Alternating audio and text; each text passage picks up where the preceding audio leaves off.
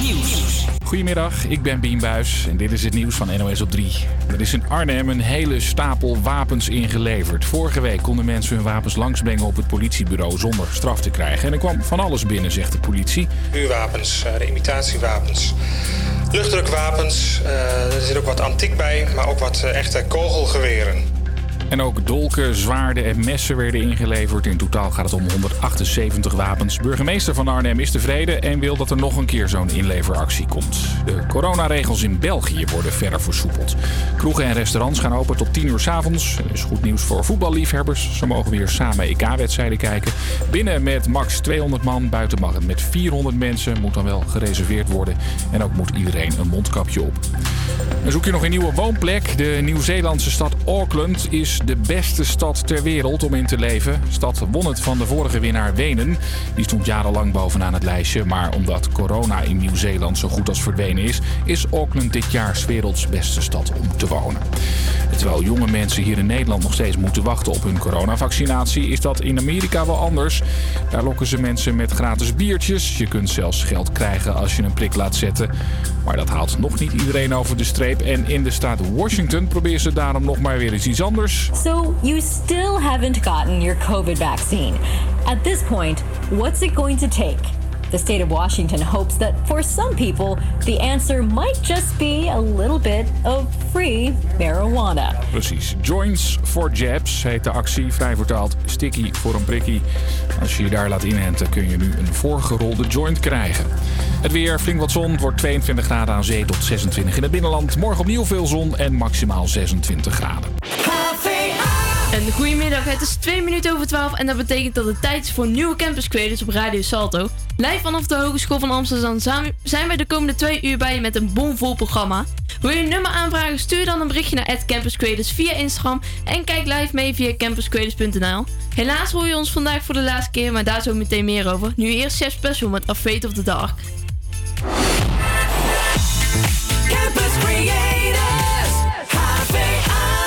There's a monster under my bed. We pillow talking. Oh, how I long to be its friend. But I don't wanna end up in that same place again.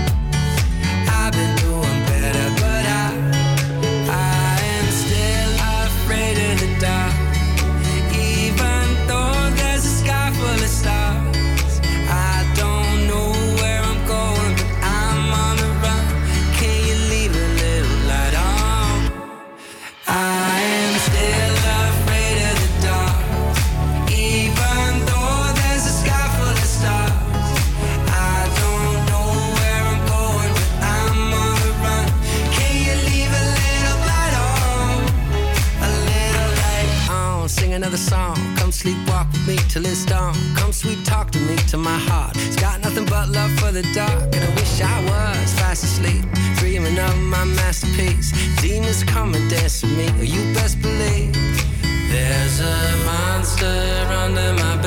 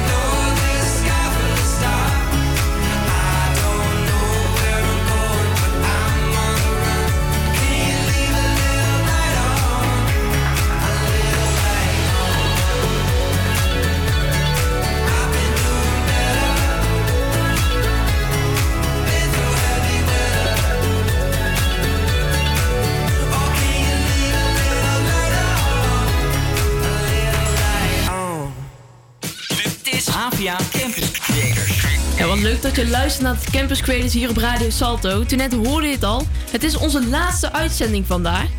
Daarom gaan we er heel, eh, we gaan er heel iets moois van maken. Maar dat doe ik niet alleen. Ik ben Nele en naast mij zit Vanessa. Hi. Hi. Vanessa, welk interview reportage vond jij het leukst om te maken? Oeh, ik denk ehm, de, de vuilnisboot vond ik echt heel leuk. De ik, eh, vuilnisboot? ja, ik mocht een rondje varen op de gracht in eh, Amsterdam. Oh, dus dat leuk. vond ik wel heel leuk. Maar ik vond Doha Amsterdam ook erg leuk om al die lieve viervoeters te zien. Ja, dat was toch bij het asiel, hè? Ja, zeker. En dat, waar ging dat precies over? Over eh, ja, de broodvolk en ook over ja, de problemen die er nu zijn met mensen die ineens eh, allemaal puppies aanschaffen. En achter de knoppen staat vandaag David. Hi David. Hoi. Hi, wat was jouw leukste of grappigste moment tijdens een uitzending? Hmm, Even goed nadenken. Nou, ik denk vooral, kijk, dat, dat beseffen de luisteraars zich misschien niet. Maar kijk, als er een liedje aanstaat, dan gaan de microfoons hier gewoon dicht. En dan kunnen wij gewoon praten zonder dat dat op de zender is, zeg maar. En dat zijn, dat, dat zijn toch de leukste momenten, toch? Daar hebben we het meeste lol met elkaar. eh, en daar worden de leukste dingen besproken. Dus ik denk dat dat. Ja, jullie als redactie was natuurlijk gewoon heel gezellig. Dus ik denk dat dat de leukste momenten waren. Dus dat ga je ook missen. Dat ga ik zeker missen. Nou, komende uur hebben we heel wat leuks voor je klaarstaan. Zo spelen we weer een muziekspel en nemen je mee door leuke herinneringen van vroeger. Maar dat niet alleen, we hebben ook veel interessante interviews voor je. Deze gaan alle kanten op. Zo hebben we een persoonlijk verhaal over een conversiestoornis en blikken vooruit naar het EK. Het is vandaag Nationale Buitenspeeldag, dus neem je radio mee naar buiten en dans lekker mee met Rather Be van Clean Bandit en Jessie Glenn.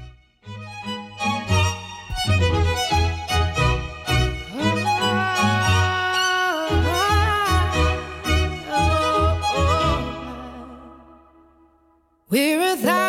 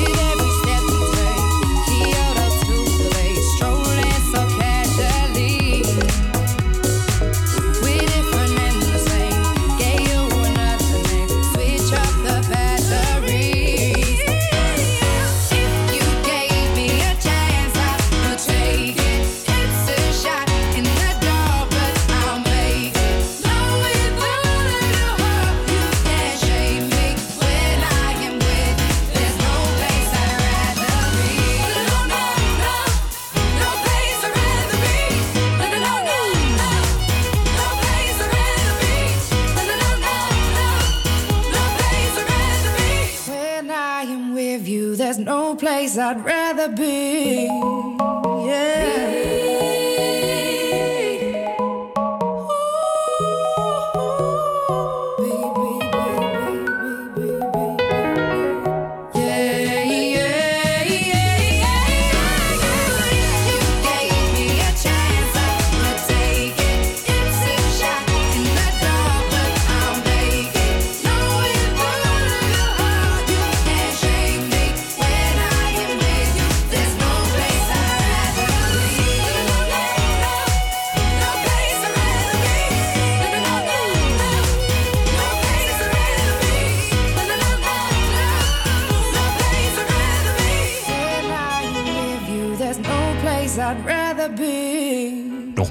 nachtjes slapen en dan begint voor het Nederlands elftal het EK 2021.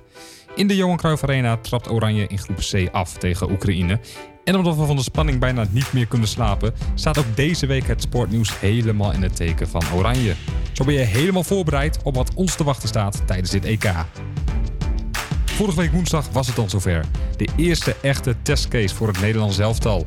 In het Portugese Lagos stond er een krachtmeting tegen mede-EK-deelnemer Schotland op het programma. De wedstrijd eindigde door twee doelpunten van Memphis Depay in een teleurstellend 2-2 gelijkspel. De Telegraaf ging op onderzoek uit en vroeg de supporters naar hun mening over de wedstrijd tegen Schotland.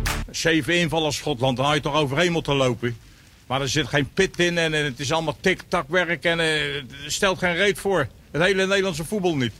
Een dag later stond Jong Oranje in de halve finale van het EK onder 21 tegenover onze oosterburen, Duitsland. Met de kater van de dag ervoor ging het Nederlandse volk er maar weer eens voor zitten. Biertje in de rechterhand, borrelnootjes op tafel, wij zijn er klaar voor. Gaat Jong Oranje die vervelende kater van heel voetbalminnend Nederland wegspoelen? En nog beter, gaan we die Duitsers een lesje leren? Het liep helaas anders. Het eindigt voor Jong Oranje hier in Sekesvervar in de halve finale tegen Jong Duitsland. Voor de derde keer op rij gaan de Duitsers naar de EK-finale. En er komt dus geen derde titel op een Europees kampioenschap voor Jong Oranje. 0-2 achter na 7 minuten en uiteindelijk met 2-1 verliezen. Als dit al het oranje ongeluk is wat we deze zomer te verwerken krijgen, dan teken ik ervoor.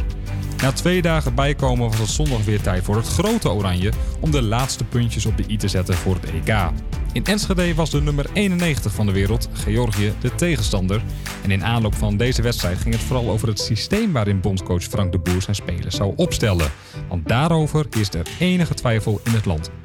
Heel Nederland is, eh, is over hem heen gevallen. En niemand heeft vertrouwen in het systeem, op een enkeling na. Louis van Gaal onder andere. Eh, dat, dat was wel eh, dat is een goede steun voor, in zijn rug. En niemand had ook iets anders verwacht. Hè, dat Louis van Gaal Frank de Boer zou steunen. Hè. Dat, dat, ja, ik geloof dat Frank eh, 12 jaar was. Dus zat hij al achterin eh, de auto bij Louis onderweg naar eh, de training van Ajax. Dus die zal hem nooit laten vallen. Door doelpunten van Memphis Depay, Wout Weghorst en Ryan Gravenberg wint het Nederlands elftal met 3-0 van Georgië. Daarmee sluiten we de oefencampagne toch nog met een positief gevoel af. Breaking news op de dinsdagmorgen. Donny van der Beek mist het EK door een blessure. Van der Beek trainde op maandag al samen met Matthijs de Ligt apart van de groep. Maar de medische staf van de KNVB heeft geconcludeerd dat het EK nog te vroeg komt voor de oud-Ajaxiet. De boer roept geen vervanger op voor Van der Beek.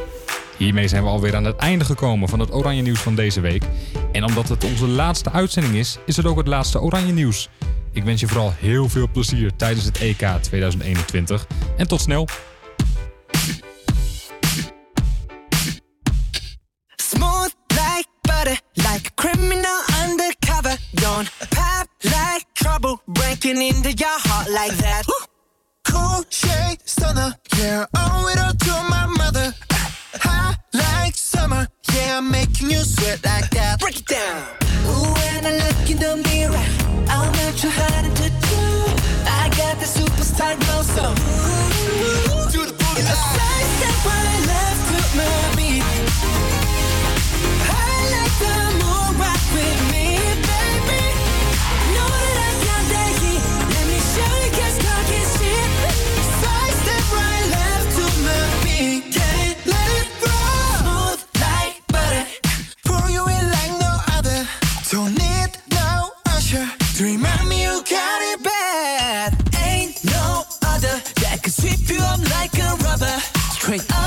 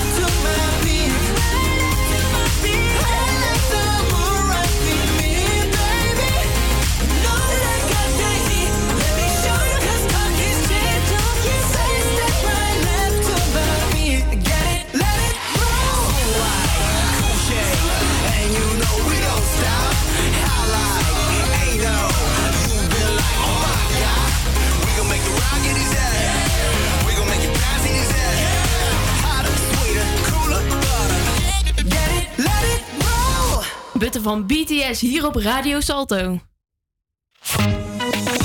Het is vandaag een dag die ik als kind nooit echt leuk vond, omdat ik de hele dag geen tekenfilms op tv kon kijken. Maar misschien dat je het wel van deze dag hebt genoten. Hoe dan ook, het is vandaag de Nationale Buitenspeeldag. Het is een initiatief van Nickelodeon en Jantje Bron met als doel kinderen meer buiten te laten spelen. En dat gaat eh, heel goed lukken met dit weer. Eh, hoe vonden jullie als kind eh, deze dag? Hoe, hoe vierden jullie die? De microfoon stond niet aan. Nou, ik, ik vierde dat. Vierden jullie dat echt? Nou, ik, ik, ik, me- ik weet wel dat ik de eerste paar jaar dacht van... eh, ja, oké, dan ga ik wel naar buiten als het lekker weer was. Hmm. Maar eenmaal toen ik in een, eh, later eh, op, de basisschool zat... dacht ik echt van ja, zet gewoon een andere zender op. Ja, ik ging altijd wel eigenlijk eh, buiten spelen. Dus voor mij was het eigenlijk altijd buitenspeeldag. Maar het is dus zo dat, dat Nickelodeon dus echt op zwart gaat. Hè? Daar staat er Ja. echt, komt er zo in van... eh, eh, ja, ga maar buiten spelen in plaats van televisie kijken, zeg maar. Ja, dat klopt, ja. Disney XD of zo toch ook? Nee, die doen dat dus niet. Nee, dus je kon gewoon nog steeds Ja. tv blijven kijken. Ja, dus dat deed ik ook gewoon dan. Maar ik, ik speelde sowieso heel veel bij. het. Ik weet nog wel dat wij altijd... We moesten collecten lopen voor Jantje Beton. Dan moesten we zo de straten door met van die bussen. Dat Oh. moesten wij doen. Ja, ik moest altijd van die kaartjes verkopen. Of zo, een soort van die aanzichtskaarten die ik dan eh, Ja. bij de deur. En dan Dat was, was zo ook, van, eh, hey. En dan ging ik daar, ja, inderdaad met zo'n boekje. Ja. Ging ik die allemaal verkopen. En dan eh, maakte ik daar echt een sport van om eh, de meeste te Ja, verkopen. dat was, dan kreeg je altijd een prijsje, toch? Ja, Als je het meeste had. En met dat geld gingen ze dan speeltuinen bouwen, geloof ik. Ja, zoiets Ik heb nooit ja. Van gehoord. eh, Niet? Ik heb Nee? daar nog nooit gedaan. Ik heb wel dingen aan de deur moeten verkopen voor een school. En in groep 8 iets voor een kaart te verkopen. Maar verder nog nooit van Jantje Beton, nee. Oh.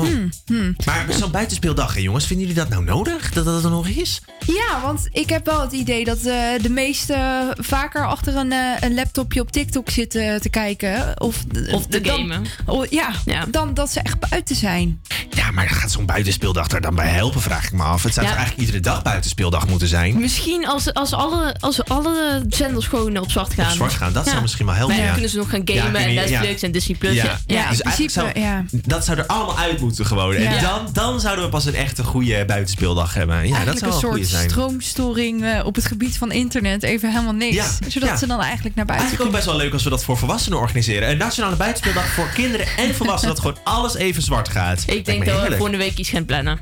We hebben toch niks te doen. Nee, de uitzendingen zijn klaar, dus Nou. laten we dit doen. Lekker Nou. buiten spelen met z'n allen. Zin in. Eh, en omdat het een nationale buitenspeeldag is, konden wij natuurlijk niet anders dan een lekkere dansplaat draaien. Ga lekker naar buiten, ga in de zon staan en dans allemaal mee met 10 Year van Danny Freyer.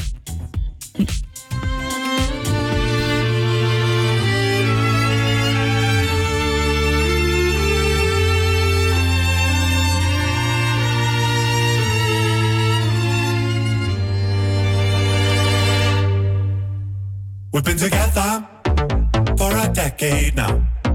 Still afraid I am loving you more. If I could do it all again, I'd probably do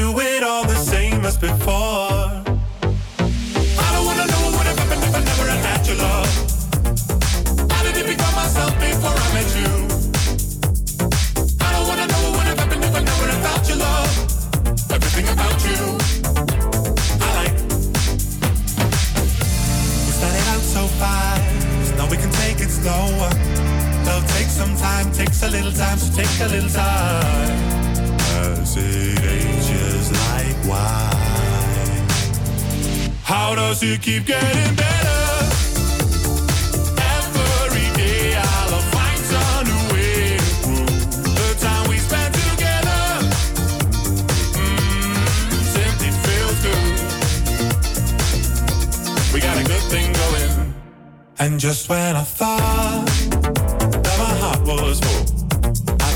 places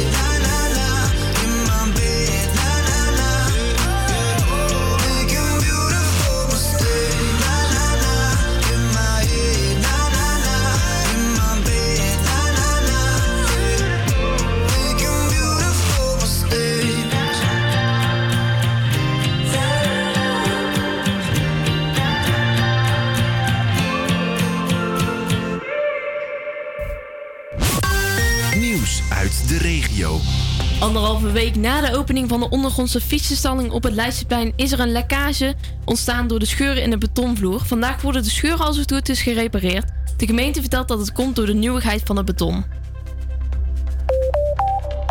Nieuw leeuwenblijf in Artus moet 10 keer zo groot worden. Het was eerst onzeker of de leeuwen bleven. Dankzij twee donateurs die een nieuw verblijf financieren, blijven de leeuwen te zien in Amsterdam. Wel zit de dierentuin nog steeds met tekorten en is steun hard nodig. Wees wordt, wordt definitief onderdeel van de gemeente Amsterdam. De Eerste Kamer heeft namelijk ingestemd met de herindeling. Vanaf 24 maart 2022 is Weesp onderdeel van de gemeente. Het wordt dan een stadsgebied en krijgt gekozen bestuurscommissie. Dan gaan we nu door naar het weer en die krijg je van Vanessa. Ja, vergeet vandaag niet goed in te smeren, want het wordt een enorm zonnige dag en het blijft droog in Amsterdam. Vanmiddag stijgt de temperatuur tot 23 graden en is de wind matig. Ik zou zeggen, pak je zonnebril en ga lekker naar buiten. Vannacht koelt het gelukkig af tot ongeveer 12 graden. Nou, blijf nou, lekker even luisteren. Het muziekspel komt er namelijk aan. En zometeen vertelt Amber alle, alles over haar conversiestones. Dat hoor je na Monterero van Lil Nas X.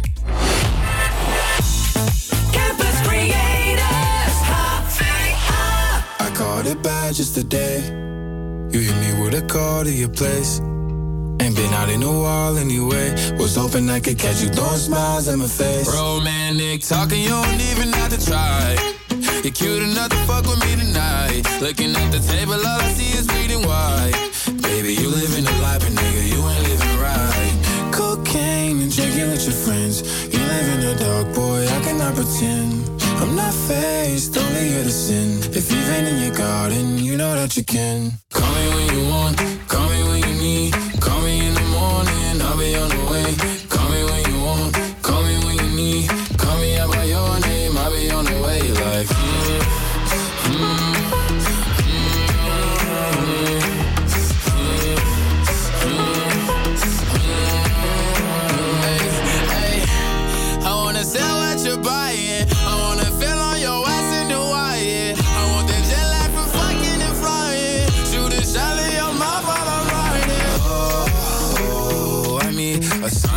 Times every time that I speak.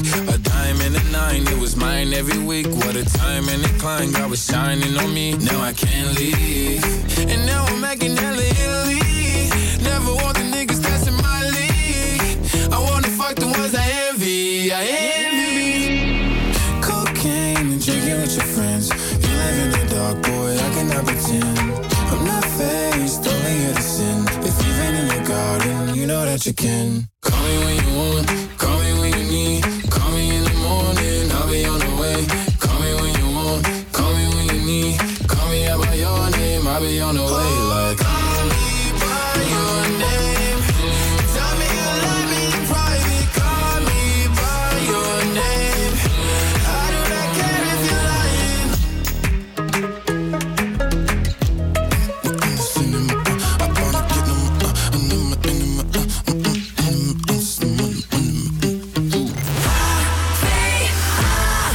Nederland worden elk jaar ongeveer 12.000 baby's te vroeg geboren. Dat is zo'n 7% van alle geboorten. Helaas weet niemand wat de gevolgen zijn van een vroeggeboorte en zeker niet de gevolgen op lange termijn. Afgelopen week sprak ik online met ervaringsdeskundige Amber Bontekoe. Zij is een platform gestart om de gevolgen bespreekbaar te maken. Zijzelf is na 5,5 maand geboren en heeft nu last van een conversiestoornis. Dit is een stoornis waarbij er iets misgaat met de signalen van de hersenen naar verschillende delen van het lichaam. Amber, hoe uitte zich deze stoornis bij jou? in mijn geval ongecontroleerde bewegingen. Maar er zijn heel veel verschillende uitingsvormen. Eh, sommige mensen die hebben enorme spierspanning. Anderen die eh, verslappen juist helemaal. Sommigen kunnen niet meer lopen. Maar het overkoepelende is altijd dat het te maken heeft met het psyche. Het lijkt alsof er lichamelijk iets mis is. En specifiek bij een conversiestoornis is dat 9 van de 10 keer niet zo. Ehm, en in mijn geval heb ik aanvallen op het moment dat ik mezelf overvraag. Of als ik door anderen overvraagd word. Of als ik druk ervaar. Of dat dan wel of niet zo is, maakt niet zoveel uit. Maar als ik het ervaar. ehm, of als ik mezelf ehm, niet genoeg uitspreek. eh, dan, eh, dan kan ik zo'n aanval krijgen. Als je zo'n aanval krijgt, wat gebeurt er dan precies met jou? Ik heb grote en kleine aanvallen. Dus een kleine aanval is alleen maar knipperen met mijn ogen. En dan kan ik gewoon praten en eh, alles horen. En dan ben ik gewoon bij. Alleen ja, een beetje afwezig doordat ik met mijn ogen knipper. Een grote aanval, eh, dan val ik gewoon op de grond. Ehm, dan eh, maak ik ongecontroleerde bewegingen met mijn armen, met mijn benen, met mijn ogen. Eh, dan zie ik ook niks meer. Ik kan ook niet meer praten, maar ik hoor wel nog alles. Bij beide aanvallen kan ik wel nog alles horen. En is het knipperen, is dat heel snel achter elkaar? Of, want iedereen knippert natuurlijk, maar hoe zie je dat precies? Ja, het, het, is, het zijn echt ongecontroleerde bewegingen. Dus het is eh, normaal als je knippert, doe je dat één keer en doe je dat gewoon gecontroleerd. En ik doe het ja, ongecontroleerd en heel veel achter elkaar. Eh, ik heb het ook wel eens gehad dat ik gewoon echt spierpijn in mijn ogen had. Door, eh, ja, door de, het aantal waarmee ik ongecontroleerd knipperde. Ja. In 2019 kreeg je de diagnose dat je een conversiestoornis had. Had je voor 2019 hier ook altijd al last van gehad? Ja, ja. Ehm, die conversiestoornis heeft zich eh, in mijn geval eh, eigenlijk jaren opgebouwd. Eh, ik ben gewoon jarenlang overvraagd, vooral op school. Dat gebeurde eigenlijk al op de basisschool, maar toen was er ehm, hele goede begeleiding, toen was er hele goede hulp.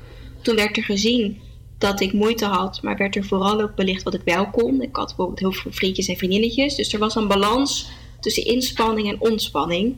En die is eigenlijk, nou ja, in de jaren daarna steeds verder zoek geraakt. Eh, op de middelbare school was er nog wel begeleiding, maar ontstonden er ook al klachten. Dus ik begon te hyperventileren en ik viel zomaar vanuit het niets flauw. En toen ik naar het MBO ging, dat was een vrij kleine school, dachten we, nou dan zal het wel beter gaan. En eigenlijk werden de klachten alleen maar erger. Toen ben ik doorverwezen naar een eh, kliniek. Ja, en eigenlijk toen ze me zagen, was het eigenlijk voor hun al wel duidelijk. En eh, toen zijn er nog allerlei onderzoeken geweest. En uiteindelijk kon ik toen eh, opgenomen worden om behandeld te worden voor de conversiestoornis. Je bent opgenomen in een kliniek, maar hoe was zo'n conversiestoornis nu precies behandeld? Wat, wat zij in de kliniek deden, was niet zozeer de stoornis op zich behandelen, maar vooral alles wat er omheen lag. Dus vooral de dingen wat maakt dat die stoornis is voortgekomen. En in mijn geval was dat gewoon heel veel verwerken, die vroeggeboorte verwerken. Het feit dat ik eh, zo ben vastgelopen op school en waardoor dat kwam. Het feit dat ik zo overvraagd werd. En door daarmee bezig te zijn en door dat te verwerken en daarover echt te leren praten met, met alle emoties die erbij komen, dat maakte dat het in mijn hoofd rustiger werd, waardoor ik ehm, mezelf ook minder aan het gek maken was, waardoor die conversiestoornis, nou hij is niet weg, maar hij is wel stukken minder. Je, je ligt omgaan. Ja, ja en, dat, en dat doe je eigenlijk door dingen te verwerken. Je bent ook een platform begonnen. Klein meisje maakt een reisje, heet die. Ehm, waarom ben je die begonnen? Eh, Die ben ik begonnen omdat ik aandacht wilde vragen voor de gevolgen van een vroeggeboorte. En er worden 15.000 kinderen per jaar te vroeg geboren, maar over die gevolgen is super weinig bekend. En voordat ik mijn project startte, kende ik eigenlijk ook niemand in mijn directe omgeving die extreem te vroeg geboren was. Dus ik heb me eh, met mijn ontstaansgeschiedenis en de klachten die ik daardoor heb best wel lang alleen gevoeld. En zeker onbegrepen. En omdat ik informatie zocht die ik niet kon vinden, ben ik die uiteindelijk zelf gaan geven. Dus ik eh, schrijf op mijn social media kanalen over eh, de gevolgen, over mijn leven en over dat van anderen. Hoe kijk je eigenlijk terug naar de periode van de diagnose en de kliniek? Ja, het klinkt misschien heel gek, maar ik kijk er heel goed op terug. Ik ben zo blij dat ik opgenomen ben. Dat is toch niet gek? Eh, Het is toch goed om te horen? Ja, nou ja, ik denk dat als het mij niet was overkomen. Maar het, natuurlijk is het zwaar geweest, is het moeilijk geweest. En ben ik boos geweest en verdrietig. En nou ja, alles, alles. Ik heb alles gevoeld. Eh, maar dat maakte wel dat ik ruimte kreeg in mijn hoofd. En ehm, wat ik overigens ook heel raar vond, voordat ik in de kliniek ehm, ging, dacht ik, maar je kan toch helemaal niet lachen in een kliniek, want je bent toch alleen maar bezig met pijn. Nou, dat was ook een vooroordeel die dus niet klopte. Ik heb ongelooflijk gelachen in de kliniek. Dus het is natuurlijk heel moeilijk en zwaar geweest, maar ook heel leuk en ook heel fijn. En ik heb er hele waardevolle vriendschap aan overgehouden. Wil je Ambers reis ook volgen? Ga dan naar Instagram pagina Klein Meisje Maakt een Reisje. Zometeen spelen we het muziekspel. Wil je meedoen? Stuur dan een bericht naar onze Instagram at Campus Creators. Maar dans eerst nog even mee, want hier is Jason Derulo met Love Not War hier bij Campus Creators.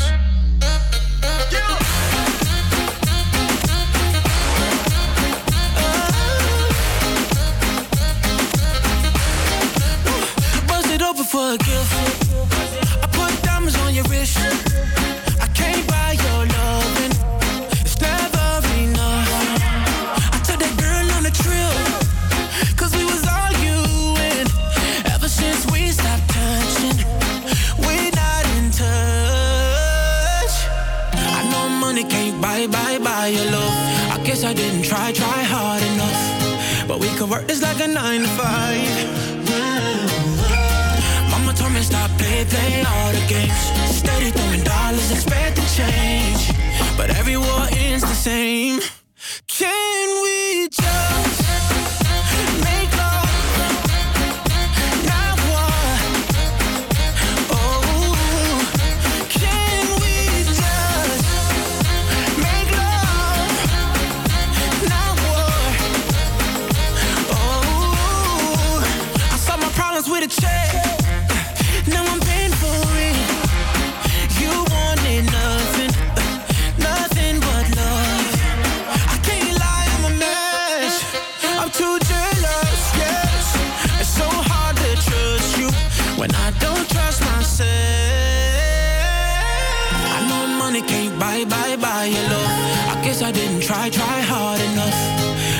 work this like a nine to five. Oh. Mama told me stop play, play all the games. Steady throwing dollars, it's bad to change. But every war ends the same.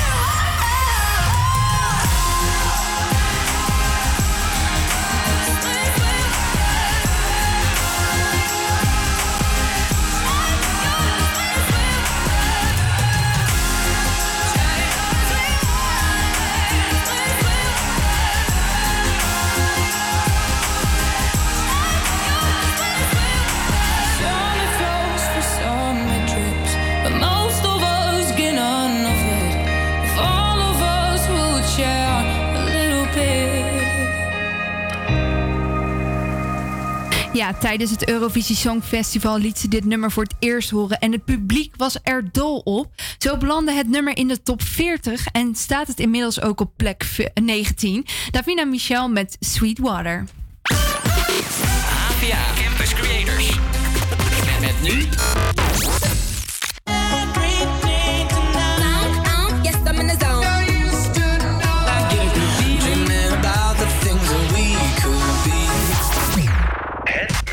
Het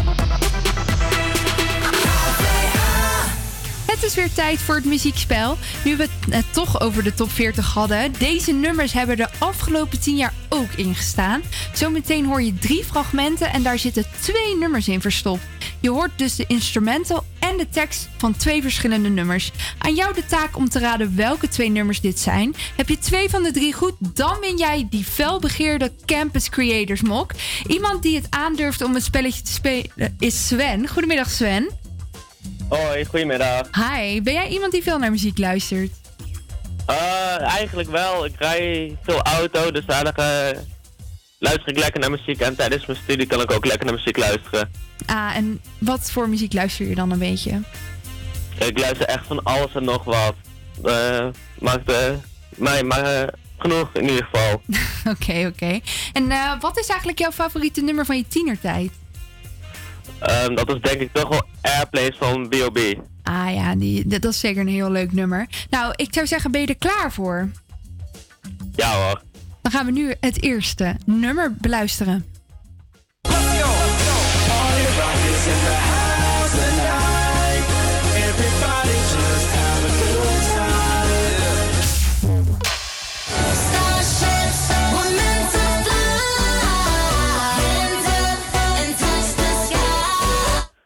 Heb jij enig idee welke twee nummers je hoorde? Party rock van dat weet ik niet meer. En die andere durf ik eigenlijk niet te zeggen. Ah, dan heb je helaas deze niet goed. Maar je hebt nog twee andere kansen. Dus we gaan gewoon door naar het tweede nummer.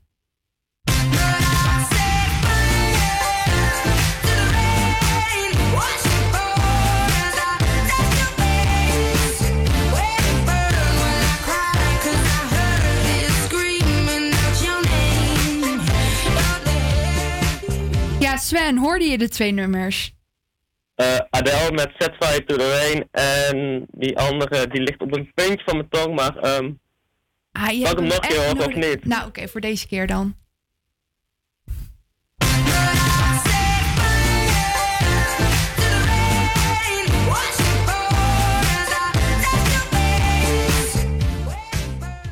Ja, nu moet je het toch echt gaan zeggen.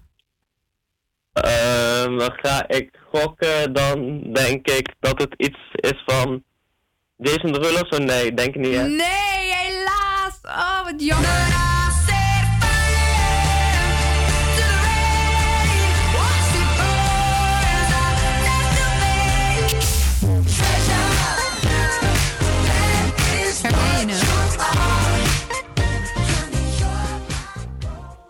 Herken je hem, Sven?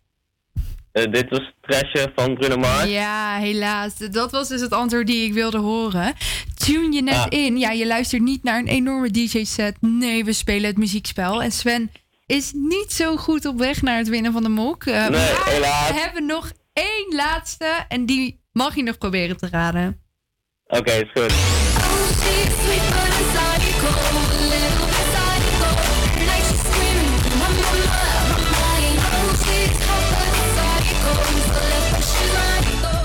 Sven, heb je enig idee welke nummers dit waren? Sweet But Psycho van Eva Max. En die andere, ehm, ja, dat durf ik ook niet te zeggen, heel eerlijk gezegd. Niet? Nee. Nou, ik hoorde dat ook niet hoor. Ik vond het heel Nou, moeilijk. nog één keertje. Oké, één keertje nog. Nog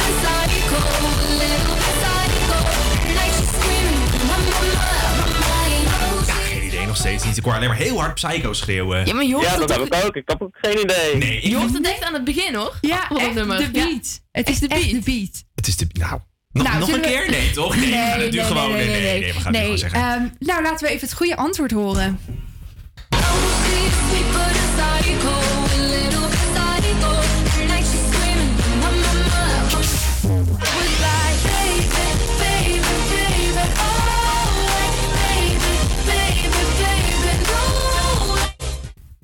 je het of niet?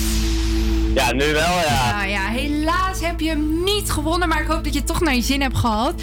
In ieder geval Uiteraard, super bedankt ja. voor het meespelen. Ja, graag gedaan. Wij gaan hem lekker draaien. Een guilty pleasure, dus zing luidkeels mee met Baby van Justin Bieber en Ludacris. Oh,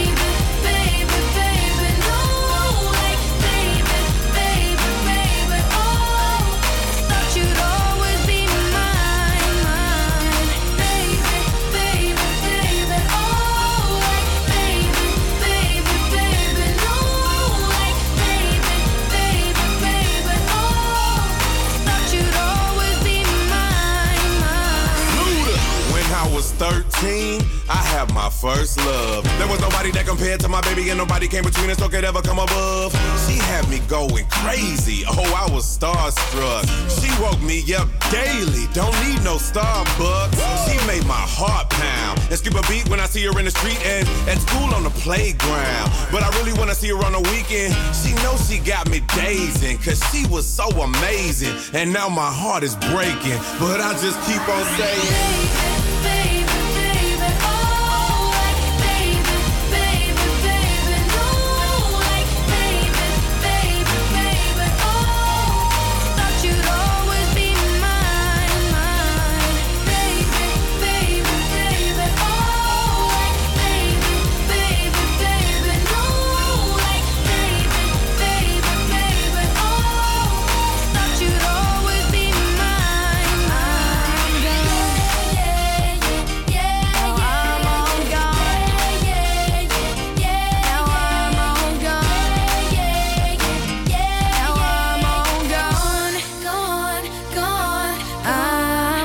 Vanessa ging helemaal los hier in de studio. Wil je dit ook mee kijk- eh, maken? Kijk dan vooral mee via campuscreators.nl. Je hoorde Baby van Justin Bieber en Luda Chris. Gisteren was het Wereldoceaandag. Deze dag is in het leven geroepen omdat het, zoals veel mensen weten, niet goed gaat met de oceaan. Maar oceanen zijn essentieel voor onder andere onze voedselvoorziening en het voorbestaan van al het leven. Maar wat kunnen wij mensen doen om de oceaan schoon te houden? Aan de lijn hangt Carina van Uffelen van de Plastic Soup Foundation. Zij kan ons hier alles over vertellen. Goedemiddag Carina. Hoi, goedemiddag. Eh, waarom is het zo belangrijk om Wereldoceaandag onder de aandacht te brengen? Eh, ja, eigenlijk ook voor de bewustwording van, eh, van hoe belangrijk de oceaan eigenlijk voor ons is. Dus het is inderdaad wat je zei al, voor onze voedsel, maar ook voor de schone lucht. En, en schoon drinkwater is het heel belangrijk dat de oceaan gezond blijft. En, en hoe bedoel je dan voor de schone lucht? Ehm, nou, bijvoorbeeld het, het absorbeert heel veel CO2 uit de atmosfeer. En het produceert de helft van onze zuurstof. Eh, dus als de oceaan eh, ja, giftig is of vergiftigd is met, met bijvoorbeeld plastic, ja, dan kan je al uitrekenen. Het is natuurlijk ook niet goed voor onze, voor, voor onze luchtvoorziening en, ja, en voor het absorberen van CO2. En hoe is het eh, hoe is het op momenteel gesteld met de oceaan? Ehm, nou ja, eigenlijk niet zo goed, want eh, ja, jaarlijks eh, is, is berekend, en, en, ja, een, een schatting is het, dat er rond eh 10 miljoen ton plastic in de oceaan terechtkomt. En dat komt eigenlijk doordat we heel veel produceren en echt overproduceren en daar dus niet mee om kunnen gaan met het afval. En eh, ja, omdat eh, virgin plastic, dus maagdelijk plastic wat nieuw is, dat is heel goedkoop. En eh, daardoor blijven we nieuw plastic maken. Maar aan de afvalfase wordt er weinig eigenlijk gedaan. En de recycling is op dit moment ook nog niet zo ver dat we echt alles kunnen recyclen. Is het nu Ehm, zo dus- dat, is het nu zo dat, eh, dat er door de mondkapjes nu meer plastic eh, in de oceaan zitten? En dus ook meer per jaar wordt eh, in de oceaan komt? Nou, het is, het is eigenlijk bijgekomen. Dus er- komt sowieso steeds meer plastic in de oceaan doordat de productie maar blijft stijgen. Ehm, maar ja, de mondkapjes zijn er natuurlijk bijgekomen en ook de plastic handschoentjes. Eh, ja, dat zijn allemaal dingen die nu ineens extra worden gebruikt. Eh, dus dat zien we ook. terug. Maar ja, dat is natuurlijk ook belangrijk voor de gezondheid dat, eh, dat mensen het blijven gebruiken. Alleen, ja, probeer het wel in de prullenbak weg te gooien. Niet zomaar ja, uit je zak te laten vallen en dan maar laten liggen. U vertelde net wat de gevolgen zijn voor de mens, dus met CO2. Maar wat zijn, is de plastic soep nou... eh, wat voor gevolgen heeft het nou voor de dieren? Ja, nou, de gevolgen voor de mensen heeft ook te maken met plastic. Dus eh, bijvoorbeeld uh, alle plastic wat in de oceaan terechtkomt, dat wordt door dieren eh, eh, vaak ook opgegeten. Of ze raken erin verstrikt en daardoor gaan ze dood. Maar dat opeten, dat, dat, zorgt ook voor dat het in onze voedselketen terechtkomt. En dat wij het dus ook eh, ergens eh, in de loop der tijd binnenkrijgen. En daarnaast is het niet alleen dat het in de oceaan zit, maar ook eh, gebruiken we het constant om ons heen. Dus we gebruiken het ook natuurlijk plastic flesjes, maar ook in onze kleding zitten synthetische, zitten synthetische vezels die ook, die ook loskomen en ingeademd worden. Dus het zit zo erg in onze, ja, in onze omgeving. Eh, oh, ja, je moet maar eens proberen een dag zonder plastic, zonder met plastic in aanraking te komen te leven. Dat kan gewoon eigenlijk niet. En eh, nou goed, dus daardoor, het plastic zelf is giftig. En, eh, en, en ja, dat, dat, als je dat binnenkrijgt, is dat gewoon niet goed voor je. Eh, hebben jullie met de Plastic Soup Foundation gisteren nog een speciale activiteit uitgevoerd? Ehm, nou, ja, wij, wij werken natuurlijk keihard aan alle, allerlei verschillende campagnes. Maar we hebben speciaal voor, eh, voor de World Ocean Day hebben wij eh, een, een challenge in onze app gezet. Een extra challenge. Dus wij hebben een app, My Little Plastic Footprint app. En dat is een app waarbij je op plastic dieet kan gaan. Dus dan kan je eh, ja, jezelf eh, opleggen om bepaalde plastic producten niet meer te gebruiken en te zoeken naar alternatieven. Wij hebben daar ook alternatieven in opge- opgesteld voor je. En daarin hebben we een extra challenge aangemaakt, speciaal voor World Ocean Day. eh, waar, je dus weer een lijstje hebt van pro- producten die je dan, waar je mee gaat stoppen om, om het, ja, te zorgen voor de oceaan. En hoe, hoe heet deze app? De My Little Plastic Footprint app. Dus Nou, eh, ja. Ik ga hem meteen downloaden. Dankjewel Carina van Uffelen van de Plastic Sound Foundation. Eh, wij gaan door met muziek. Wie kent ze niet? Je hoort de Red Hot Chili Peppers met By The Way hier op Radio Salto.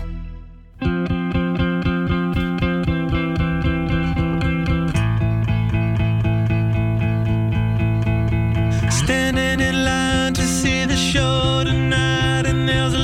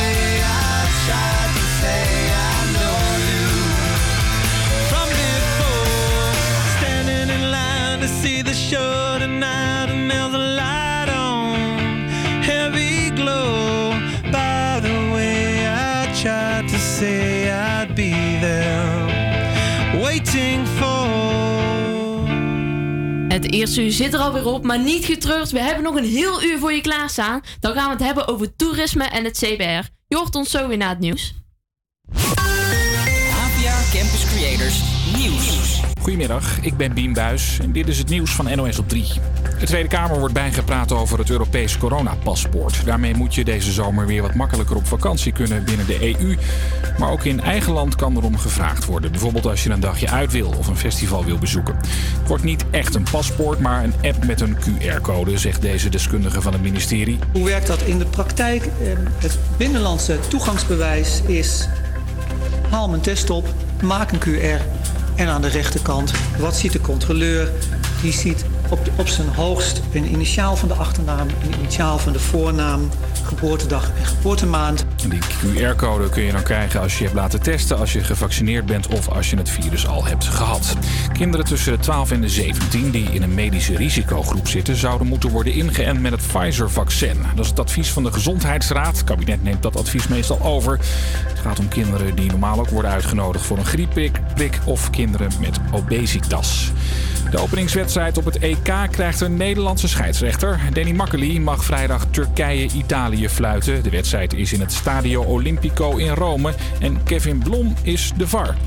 Het EK is nog niet eens begonnen, maar voetbalbond KNVB heeft vanochtend ook al bekendgemaakt hoe het volgende seizoen eruit gaat zien. Vrijdag 13 augustus is de eerste wedstrijd. Go Ahead Eagles Heerenveen. En wat verder opvalt, voor PSV wordt het een drukke zomer, zegt de PSV-watcher van Omroep Brabant. Het zou zelfs zo kunnen zijn dat PSV eind augustus al 10 wedstrijden heeft gespeeld. Daarbij zitten dan natuurlijk de voorrondewedstrijden in de Champions League. PSV speelt daarbij ook nog eens eh, de Johan Cruijffschaal tegen Ajax in het weekend van 7 of 8 augustus. En de eerste drie wedstrijden in de eredivisie staan ook al gepland eind augustus. Nou, je hoort het, er wordt ook weer gespeeld om de Johan Cruijffschaal. Afgelopen seizoen gebeurde dat niet vanwege corona. Het weer. Flink wat zon. Wordt 22 graden aan zee tot 26 in het binnenland. Morgen opnieuw veel zon en maximaal 26 graden. Goedemiddag, het is twee minuten over één en we hebben nog een heleboel items voor je klaarstaan. Zo gaan we het hebben over de nieuwe plannen bij het CBR en hebben straks een discussie over het toerisme van Amsterdam.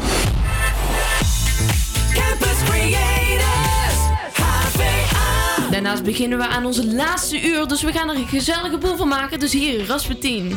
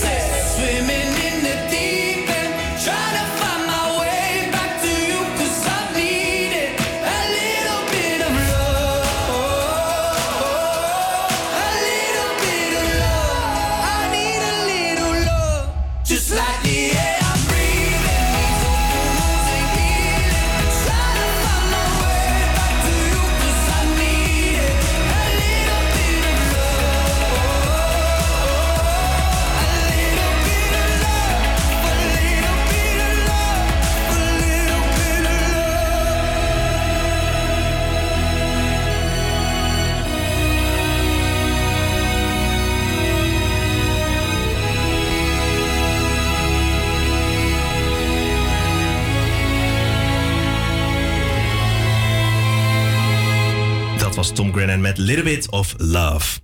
Ja, in 2019 bezochten ruim 9 miljoen toeristen Amsterdam. En dat zijn er veel, heel veel. Zeker als je bedenkt dat er maar een krappe 900.000 mensen in de stad wonen. En nu de grenzen langzaam weer opengaan, worden er steeds meer toeristen verwacht deze zomer. Deze grote stroom toeristen moet natuurlijk ook overnachten in Amsterdam. En dat kan in hotels of hostels, maar ook bij bed and breakfast of bij Airbnb's. Gastvrij Amsterdam behartigt de belangen voor eh, huiseigenaren die hun huis verhuren aan toerisme, toeristen. En Tim Klein-Haneveld van Gastvrij Amsterdam hang- hangt aan de telefoon. Goedemiddag. Ik hoor hem nog niet. Goedemiddag. Hallo. Goedemiddag. Goedemiddag. Ja, en dan nog even iets anders. Al die bezoekers brengen niet alleen maar hun portemonnee met zich mee, maar zorgen ook voor heel veel overlast. Voornamelijk in het Wallengebied wordt hier al jaren over geklaagd. Ook aan de telefoon heb ik Olaf Ulrich van de or- organisatie Stop de Gekte. Een groep van bewoners en ondernemers die het Wallengebied weer terug wil geven aan de Amsterdammers. Goedemiddag. Goedemiddag. Goedemiddag, meneer Ulrich. Ik wil even met u beginnen. Want eh, wat voor overlast wordt er allemaal in het Wallengebied ervaren op dit moment? Nou, op dit moment is een eh, groot woord, want het is natuurlijk nog steeds erg stil. Maar laten we teruggaan naar eh, de pre-coronatijd. Eh, dat er overlast is, is helemaal geen punt van discussie meer. Daar is iedereen het wel over eens. Maar die bestaat er dus uit dat dag en nacht. en dat betekent letterlijk van s ochtends vroeg tot s avonds la- laat allerlei groepen die het niet zo heel erg nauw menen met de regels eh, enorm kabaal veroorzaken, eh, agressief gedrag vertonen tegen eh, bewoners. Dat veel bewoners worden geplaagd door poep en pis op hun stoep, eh, vervuiling op straat, eh, straatdealers die op de hele meute afkomen. Dus eh, ja, laten we zeggen dat iedereen er wel over eens is dat die, dat die overlast bestaat. En de gemeente wil daar ook graag wat aan doen. Daar hebben ze ook plannen voor ontwikkeld. Daar staan we natuurlijk achter. En, en op dit moment, ervaart u ook dit moment overlast door toeristen? Nou, als je vraagt, sinds eh, Hemelvaartsdag is er weer iets van eh, meer dingen mogelijk. Dus er zijn weer wat terrassen en dat gaat allemaal prima. Eh, het afgelopen weekend was eigenlijk het eerste weekend waar het weer een beetje leek op zoals het pre-corona was. En dan zie je meteen dat alle problemen die er toen waren weer in dezelfde vorm en omvang terugkeren. Al moet, eer- moet ik wel eerlijk zijn en zeggen, het eh, beperkt zich nu nog tot het weekend. Ja. Door de week valt wel mee, maar vanaf vrijdag eh, kunnen we onze borst weer nat maken. Ja, dat kan wel zeggen. en, en dat is dat ook door de week eh, vinden dat soort incidenten ook dagelijks plaats. Voornamelijk door de grote hoeveelheid ja, to- toeristen die met name afkomen op eh, de drugs in Amsterdam. Dat is gewoon een Ja. feit. Voornamelijk overlast door toeristen dus. En dat terwijl er sinds 2020 in het Wallengebied een verbod geldt op het verhuren van huizen aan toeristen. Meneer Klein-Haneveld, wat voor maatregelen zijn er de afgelopen tijd nog meer door de gemeente genomen? Nou, ik kom dan zo meteen eventjes terug op het verbod wat je net, eh, net noemt. Maar ehm, eh, laten we dan eerst inderdaad stilstaan bij de, bij de andere regels. En dan zou ik willen zeggen, heb je even. Want eh, vakantieverhuurders en B&B's zijn inderdaad eh, de afgelopen jaren overladen eigenlijk met een enorme hoeveelheid regels eh, die ingesteld zijn door de, door de gemeente. Ja. Nou, even een kleine greet eruit. Hè. Het maximaal aantal dagen, nachten van verhuur ehm, is teruggeschroefd naar, naar maximaal 30 eh, per, per jaar. Ehm, er is sinds begin vorig jaar ook een vergunningsplicht voor B&B's in Amsterdam. En sinds eh, de loop van vorig jaar, ik geloof per 1 april vorig jaar, ook voor vakantieverhuur geldt dat. Eh, nou, en de laatste regel die is toegevoegd, die komt eigenlijk niet direct van de gemeente, maar is door eh, Den Haag geïntroduceerd. Dat is de landelijke registratieplicht. Hè? En dus, dat houdt in dat iedereen die aan toeristische verhuur doet in Amsterdam, maar ook in andere steden in, in het land, is verplicht een registratienummer aan te vragen om dat te kunnen doen. En dat nummer is ook verplicht, de hè, verhuurders zijn verplicht om dat nummer te vermelden op sites als eh, Booking.com en, eh, en Airbnb. Ehm, nou, en tenslotte, je noemde het net al, is er ook een eh, verbod ingesteld op vakantieverhuur in een aantal postcodegebieden in het, in het centrum. Eh, maar inmiddels is dat verbod ook weer van, van de baan, omdat eh, eh, de rechter vond dat de gemeente dat, dat niet mocht doen op de manier zoals we dat hadden ingesteld. Dus dat verbod geldt niet, niet meer. Oh, sinds wanneer? Dat, dat was ik nog niet van op de hoogte. Sinds wanneer geldt dat niet meer? Nou, die uitspraak is geweest, eh nou, uit mijn hoofd zeg ik, een, een, een, een zes tot acht weken geleden ergens. Eh, dus eh, dat is naar aanleiding van een rechtszaak die, die wij hebben eh, aangespannen. Dus wij zijn in eh, beroep gegaan tegen dat, eh, tegen dat verbod. En de rechter heeft ons gelijk gegeven dat eh, de gemeente dat verbod niet, niet mocht instellen. Meneer Ulrich, wat vindt u daarvan dat dat verbod nu weer is teruggedraaid? Mm, dat vind ik jammer. Maar daar is het laatste nog, woord nog niet over gezegd. Dus we zien, eh, zullen zien hoe dat verder, eh, verder verloopt. Heeft u het idee dat, dat, dat het verhuur van Airbnb's bijdraagt aan, het, aan de grote stroom toeristen in het Wallengebied? Nou, eh, elke, elke vorm van eh, verblijfscapaciteit draagt bij aan de toeristische drukte in Amsterdam. Dus of dat nou per se naar het Wallengebied is, dat laat ik dan maar even in het midden. Maar het is wel zo dat eh, verschillende leden van onze groep en bewoners, en ik heb er zelf ook mee te maken gehad, bijzonder veel last hebben gehad van, ehm, eh, laten we zeggen, onaangepast gedrag van gasten van B&B's. Ze zijn moeilijk te beheersen. Het zijn toch nou, niet altijd. Hè. Je, natuurlijk, eh, je spreekt natuurlijk nu over de incidenten, maar eh, de goede niet te nagesproken moet je dan zeggen. eh, dat er wel heel veel partygroepen hier op de Wallen gebruik maken van eh, B&B's. En die zijn moeilijk aan te pakken. Ja, meneer Ik heb Klein wel gezien Haneveld, dat het- ik ga heel even onderbreken. Meneer Klein Haneveld, als u hoort dat er zoveel overlast wordt ervaren, ik hoor zelfs poep op de deuren. Wat, wat denkt u dan als u dat hoort? Nou, kijk, de overlast waar eh, Stop de Gekte op doelt is natuurlijk eh, niet uit de lucht gegrepen. Hè? Daar kunnen we heel eh, kort over zijn. In sommige buurten lijden bewoners gewoon weg onder de enorme drukte en overlast. Dat is een hele kwalijke zaak. En het is ook goed dat bewoners nou, zich verenigd hebben in, in bijvoorbeeld Stop de Gekte, maar zo zijn er ook andere initiatieven. om daar samen ook met de gemeente iets aan proberen te doen. Ehm, maar ik denk dat uiteindelijk de oplossing voor deze problematiek, die, die, die, die dus heel eh, evident is, het bestaat uit een veel breder palet van maatregelen dan de enorme focus die er is geweest de afgelopen jaren op het terugdringen van vakantieverhuur. Dus denk dan ook aan eh, de enorme concentratie van goedkope hostels, pros- prostitutie, coffeeshops, eh, drugs werden net al eventjes genoemd. Eh, dat is in die wijken echt een eh, probleem. En gelukkig zien we ook dat dat besef inmiddels ook wel bij het stadsbestuur is eh, ingedaald. En zijn er nu allerlei plannen om die zaken ook, ook aan te pakken. Kijk, als je puur kijkt naar ehm, het centrum, hebben wij ook even een onderzoek gedaan naar het aanbod voor, voor overnachtingen. En daaruit blijkt dat van het totale overnachtingsaanbod, dat bestaat voor 93% uit hotels en hostels. 6% B&B's en ongeveer 1% uit vakantieverhuur. Dus dat betekent eh, dat die ene procent, dat zijn dan mensen die hun hele woning verhuren op het moment dat ze zelf afwezig zijn. Ja, ja dat, dat zegt denk ik toch wel veel, die verhouding. Nou, om even terug te komen op de klachten met betrekking tot, eh, tot B&B's, eh, waar eh, de meneer Van Stop de Gekte even op doelde, dat herken ik toch niet helemaal. Ik herken wel dat er klachten zijn hoor, maar ehm, eh, voor B&B's ligt dat aantal klachten, we, houden dat zelf ook heel erg goed in de gaten, eh, naar aanleiding van de rapportages van, van, de, van de gemeente die hierover eh, verschijnen. En de gemeente heeft ook altijd gezegd, het, het aantal klachten bij B&B's is echt heel erg laag. En dat komt simpelweg door het feit dat B&B-houders zelf in hun woning wonen en aanwezig moeten zijn. Ja, dat is ook tijdens verplicht gesteld door de gemeente. Dat is, dat is verplicht dat, gesteld. Dat is een ja. verplichting. Ja, en eh, dat, eh, dat, eh, dat is ook goed, denk ik. Maar En, meneer, ik wil daar wel even op inhaken, want ik denk wel, kijk, Airbnb is gewoon een goedkope manier van een woning huren. Dat zijn een, een aantal, ja, een bepaald soort toeristen wat daarop afkomt. Die komen met een goedkope vlucht naar Amsterdam. Die gaan in een goedkope overnachting, dus in een B&B komen die terecht. Dat is toch een bepaald soort toeristen waar, waar meneer Ulrich dus juist die last van ervaart. Mag ik daar nou... Ja, meneer Klein Hardeveld, wat wilt u daarop reageren? Nou, ik, ik wil er in ieder geval op reageren dat uit onderzoeken eigenlijk blijkt dat wat jij nu net zegt niet helemaal klopt.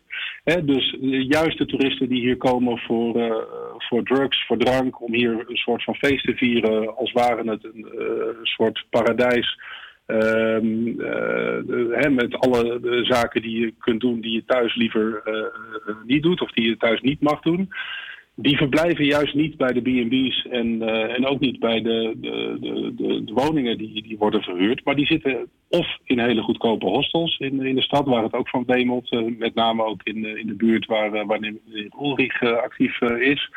Ehm, eh, eh, en ehm, eh, ja, du- dus, dus er blijkt juist uit onderzoek dat de kwalitatieve toeristen, eh, en dat, is- dat hè, de mensen die hier komen voor cultuur, die ook wat meer uitgeven eh, eh, in de stad dan alleen eh, drank en drugs, die, eh, eh, die verblijven juist eh, bij, bij B&B's. Meneer Ulrich, gaat u daarin mee? Nou, ik wil er wel even iets over zeggen. Ehm, punt 1, dat heb ik al eerder gezegd. De overlast die wij in de buurt erva- ervaren heeft helemaal niet één op één direct te maken met Airbnb's, maar is, dat is daarvan een deelprobleem. En ik ben het met de heer Klein Aanveld helemaal eens als je zegt, kijk, het, het idee achter Airbnb of B&B. eh, mensen wonen thuis en doen iets met een eh, kamer die ze over hebben. Allemaal tot je dienst. Dan zijn de bewoners erbij. Maar de overlast wordt juist veroorzaakt door oncontroleerbare eh, vakantieverhuursituaties. En daar er verschillende ook van opgeruimd inmiddels in de buurt door aangifte te doen en de handhaving erop te zetten. En die ontstond stond daar wel. Maar het probleem met die B&B's is nu juist ook dat sommige helemaal niet ehm, formeel vakantieverhuur zijn, maar in de praktijk wel. Dus daar wordt een beetje de hand gelicht met de regelgeving. En dat is wel een groot probleem. En een ander groot probleem daarachter is dat eh, de platforms die daar eh, eigenlijk faciliteren, zoals Airbnb en Overindu en dat soort organisaties, het ten ene male verdommen om gewoon inzi- inzage te geven in wat ze aan wie allemaal verhuren en hoe vaak dat gebeurt. En dat is wel een groot probleem. En omdat dat allemaal niet gebeurt, kan je op een gegeven moment zeggen, ja, het is heel vervelend, maar het is net als met hooligans in een stadion. 90% van de, van de publiek, of 95%, misschien wel 99%, eh, eh, gedraagt zich allemaal prima, maar 1% niet. Die veroorzaakt. Ja, en dat is precies de 1% eh, waar u last van heeft. Dat, dat begrijp ik. Heren, ik wil u beiden bedanken voor uw tijd en eh, nou ja, fijne dag nog.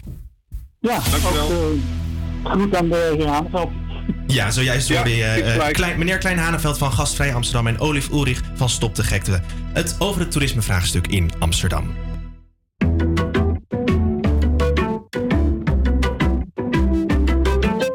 I'm like the water when your ship rolled in that night. Rough on the surface, but you cut through like a knife. And if it was an open shut case,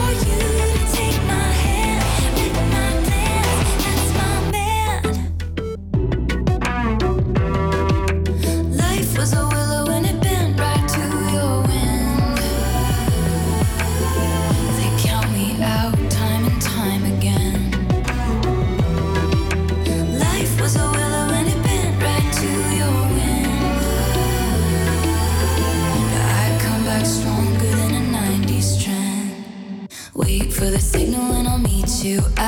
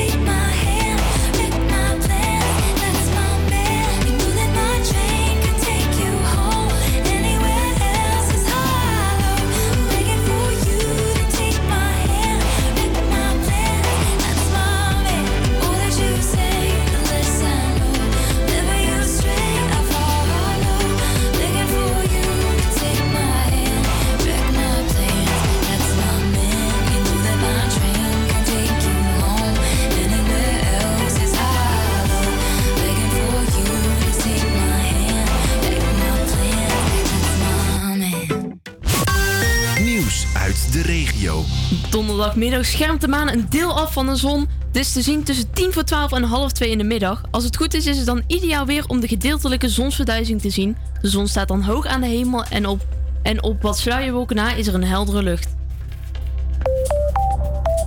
Nieuw leeuwenoverblijf in Achters moet tien keer zo groot worden. Het was er eerst onzeker of de leeuwen nog wel bleven. Maar dankzij twee donateurs die een nieuw verblijf financieren, blijft de leeuwen te zien in Amsterdam. Wel zit de dierentuin nog steeds met tekorten en is hun steun hard nodig.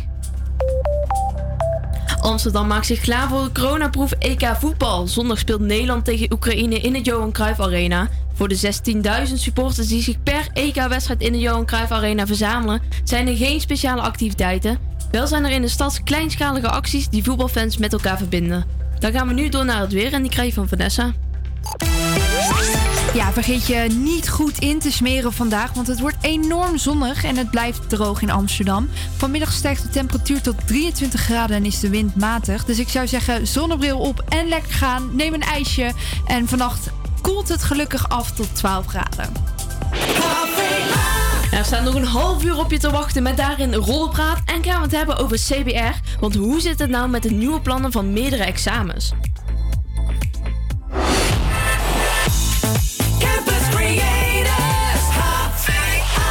Daar zo meteen meer over. Maar eerst het nummer die niet uit de hitlijst is weg te slaan. Dan heb ik het natuurlijk over de enige echte Bruno Mars met Liefde door Open.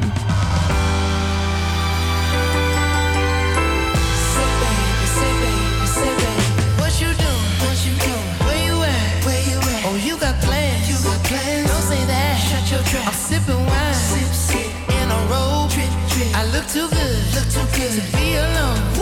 My house clean. House clean. My pool warm. Just shake. Smooth like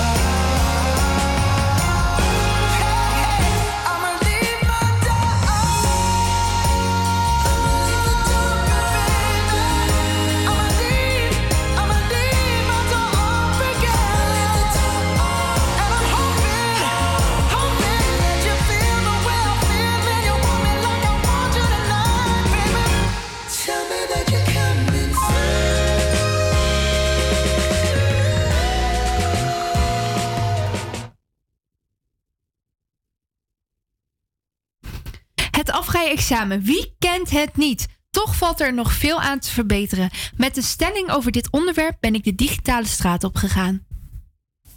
Ja, wij gaan dat nu. eh, eh, wij staan op het punt om dat op te gaan onderzoeken. Ah, we hebben per ongeluk Ja, even in de... één keer knalt mijn hele systeem eruit. Dus ik, ik heb ineens alles van het vorige uur voor me en niet helemaal meer het goede. Dus ik moet het heel even opzoeken. Even kijken het staat hier ergens. Wacht even hoor.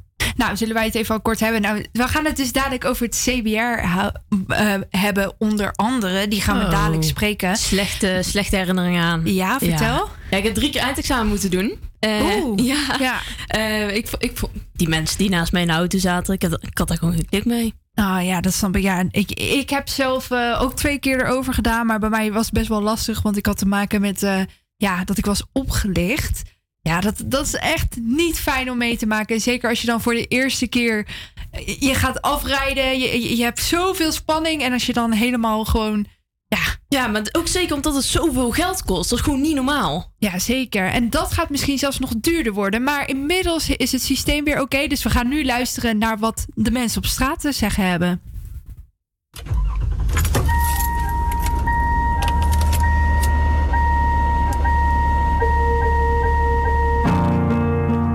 De rijscholenbranche gaat op de schop. Sinds het op 14 april uitgebrachte adviesrapport van Emiel Roemer aan het kabinet. De lessen en de examens kunnen kwalitatief veel beter dan het nu is. Het afrijsysteem dat we nu kennen is er dus over een jaar misschien niet meer. Een van de plannen is om het grote afrijexamen af te schaffen. Daarom de stelling: het afrijexamen moet bestaan uit meerdere examens in plaats van één groot examen.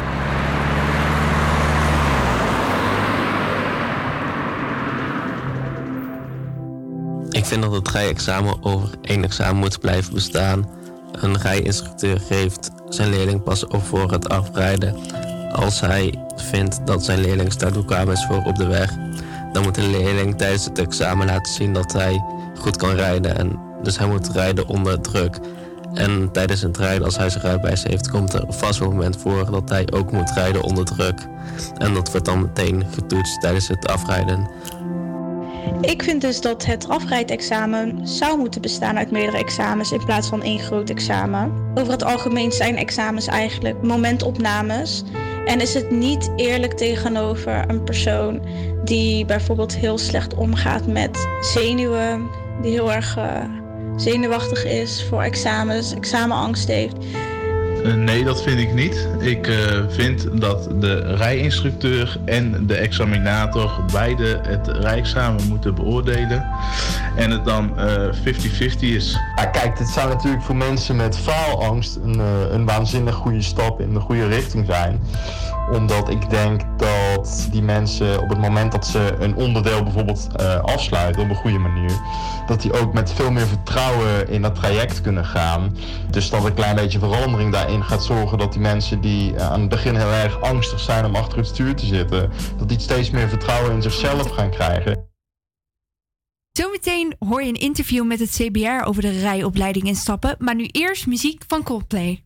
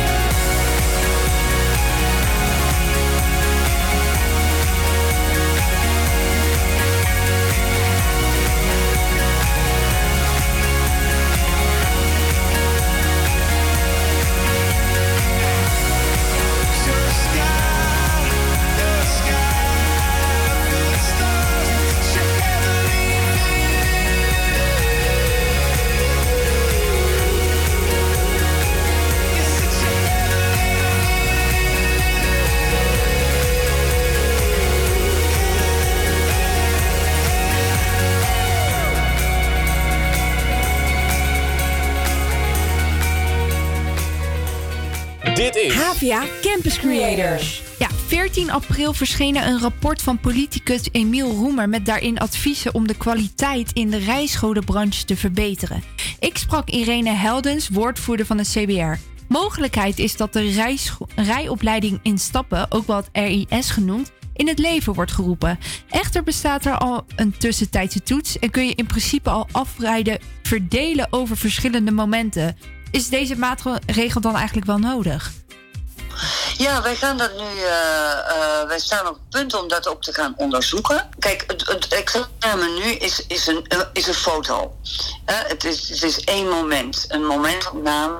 En wij denken, kijk, een rijopleiding, je leert ook verschillende dingen. Hè? Je, je leert eerst je auto goed beheersen. Dan leer je te kijken hoe je met, met, met het verkeer omgaat. Je leert hoe je kunt, kunt vooruitkijken, zodat je ook zaken kunt vermijden of beter je kunt voorbereiden op wat er gaat gebeuren. Er zitten, er zitten in het les leren autorijden zitten ook verschillende fases. Nou, mooi zou het dan ook zijn als je elke fase even toetst. Kijkt van nou, zit, hè, heeft, heeft, eh, heeft de leerling dit in de vingers? En dan kun je weer verder naar de volgende stap. Eigenlijk gewoon vergelijkbaar met, met bijvoorbeeld het leren van wiskunde of, of, een, of een ander vak. Daarnet had je het over een foto, dus eigenlijk wil je het dan meer als een soort film. Ja, van een foto naar een film, dat klopt. En je hebt gelijk, we hebben inderdaad de tussentijdse toets. Dat is niet verplicht, maar veel jongeren maken daar gelukkig gebruik van. En wat we dan ook zien, eh, dan, je kan dan een vrijstelling krijgen voor je bijzondere manoeuvres. Maar je kan tegelijkertijd ook wennen aan hoe het examen gaat. Dus het is niet helemaal een deelexamen, als je het zo zou willen noemen. Ehm, maar van foto naar film, dat, dat lijkt ons een goed idee, omdat je een kandidaat dan veel beter stap voor stap dat, eh, die vaardigheid en ook kan laten zien of hij klaar is om zelfstandig de weg op te gaan. En we zien ook dat de jongeren die een tussentijdse toets hebben gedaan, dat die vaker slagen voor het examen dan jongeren die dat niet hebben gedaan. Maar eh, stel, dit, dit systeem wordt dan zeg maar in het leven geroepen. En dan is er misschien wel een kans dat er meerdere examens gepland moeten worden. Hierdoor zou de wachttijd op eh, examens kunnen toenemen. Eh, kunnen jullie dat eigenlijk dan wel aan? Want ook rekening houdend nu met de opgelopen wachttijd door de coronacrisis. Stel dat Ja. dat volgend jaar ja, in het leven wordt geroepen. Hoe, hoe zouden jullie daar dan mee omgaan? Ja, dat, dat is eigenlijk een beetje vooruitlopend op de zaak. Hè? Want wij hebt gelijk, wij hebben nu een enorme inhaalslag te maken. Eh, met alle examens die door corona niet zijn afgenomen. Nou, daar zijn we volop mee bezig. We zijn nieuwe examinatoren aan het werven die, eh, eh, die al die, die, die examens die we niet hebben kunnen afnemen, om die weer in te halen. Nou, wij verwachten dat we daar nog wel even mee zoet zijn. Zeker tot volgend jaar. Maar dan, dan is dat ook klaar als het goed is. En dan hebben we weer, dan is er weer ruimte voor nieuwe zaken. Het- als er opgeschaald worden, dan zullen we, dat- dan zullen we dat moeten doen. En wat voor eh, proeven doen jullie dan precies? Hoe zou het examen dan bijvoorbeeld anders kunnen? Nou ja, wij gaan, wij gaan kijken of, of zo'n, eh, het modulaire examen, het examen in meerdere stapjes, in hoeverre dat, eh, dat meer verkeersveiligheid oplevert. Daar zijn de plannen voor in de maak om, dat te gaan, om daar een onderzoek voor te starten. Ja, en dan, dat sluit eigenlijk naadloos aan op het, op het rapport van Je hoorde zojuist Irene Heldens, woordvoerder van het CBR, over het adviesrapport van Emiel Roemer om de kwaliteit in de rijscholenbranche te verbeteren. Maar wij gaan nu door naar de laatste plaat van One Republic luisteren. En wat een heerlijk nummer is dat, Run. boy living in the city. All I did was run, run, run, run, run. Staring at the lights, they look so pretty. Mama said, son, son, son, son, son. You're gonna grow up, you're gonna get old. All that glitter don't turn to gold. But until then, have your fun. Boy, run, run, run, run, run. Yeah, run, run, run.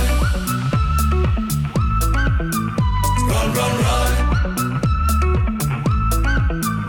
When I was a young kid living in the city, all I did was pay, pay, pay, pay, pay. And every single dime that good Lord give me, I can make it last three, four, five days. Living it up, but living down low. Chasing that luck before I get old. Looking back, oh, we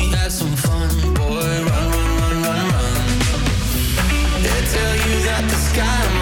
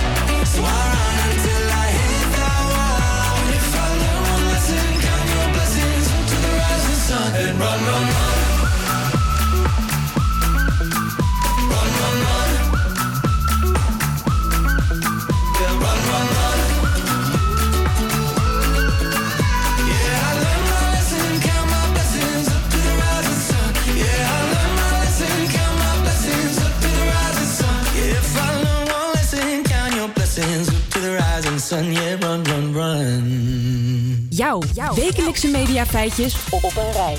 Het is bijna kwart voor twee en dat betekent dat het weer tijd is voor jouw wekelijkse dosis roddels. Ik ben weer het internet voor je afgespeurd om de sappigste en interessantste roddels voor jou op een rijtje te zetten. Met dit keer, ja, Bridget Maasland jongens, het is officieel. Eh, want een paar weken geleden hintte ze al in haar podcast over een date met een onbekende Nederlander. Een onbekende nog wel. onbekende, ja. ja, ja, En inmiddels zijn de twee dus nu echt Insta-official. Ook weten we inmiddels meer over de man in kwestie. Zijn naam is Christian Henry. Hij is 30 jaar en hij is vastgoedadviseur uit Amsterdam. Ehm, ja, jongens, wat vinden jullie van de manier hoe ze zo langzaam steeds meer van hem liet zien? Echt letterlijk, want het, het was eerst een hint in de podcast en toen een foto van een hand op haar Insta. Ja, en dat nu vind ik wel een beetje overdreven. Kijk, ik snap dat ze het een beetje rustig aan wil pakken na alles wat er gebeurd is. Maar dit is wel een beetje, zo, zo haal je de bagger ook iedere keer. Want iedere keer gaan we het er weer over hebben. Hebben we het over het verleden. Weet je dat? Ja, het, het kan ook gewoon in één keer. Het is, wel, het is wel sensatie, hè? Doe het als een pleister. Snel. Ja. dat zeg ik. Maar het is wel sensatie. Ja, je hebt gelijk. Ja. Ja, voor mij hoeft het niet eens als ze het bekend maakt hoor. Maar eh, ja. ja, ze komt wel elke keer weer lekker in de bladen. Misschien krijgt ze er ook wel een beetje voor betaald. Dus misschien dat dat de reden is. Nou ja, kijk, mensen ik- naar ik- de podcast luisteren. Ja, dat is natuurlijk dat, ook een goeie. Dat kan ook allemaal, maar ik snap ook wel als je dan helemaal hoog de botel bent van iemand, dan wil je dat gewoon delen met de wereld. Lijkt mij, toch? Ja, ja, dat snap ik ook wel. Ja. Nou, dan gaan we door met de volgende roddel. Afgelopen seizoen van Married at First Sight was er een permanente hoofdrolspeelster aanwezig. Alle ogen waren gericht op Chantal Huff en haar gekoppelde man Henk van de Ven. Eh, na hun honeymoon in Turkije had ze het volgende over hem te zeggen. Wat een strafkamp was het. Ah. Ja, ik kan er niks anders van maken. echt niet. Het is zoals het is. Ik ben echt kapot. Ik zie eh, Nele hier al helemaal giechelen. Ja, ik heb dit dus nog nooit gehoord. En dan begint het meteen met een strafkamp. Nou, ik, dan, ik ga die aflevering even terugzoeken, denk ik. Nou, ik, ik ga het je een beetje vertellen. Chantal vond namelijk dat Henk haar niet als een prinses behandelde en deed bijvoorbeeld nooit de deur voor Oh, haar open. Ja, nou. Strafkamp meteen inderdaad. Uite- uiteindelijk hadden ze dus beide gekozen om de scheidingspapieren te tekenen. Maar inmiddels is Chantal weer helemaal in de wolken. Ze heeft nu namelijk een relatie met een andere deelnemer uit datzelfde seizoen. Niemand minder dan Aaron van het Hul heeft het hartje van de diva sneller laten kloppen. En de bekendmaking is ook geheel in stijl aangekondigd. Op de Instagram van Chantal is namelijk een foto gepost waar Aaron de deur open houdt voor haar. En had de volgende tekst erbij gezet. Zo kan het dus ook.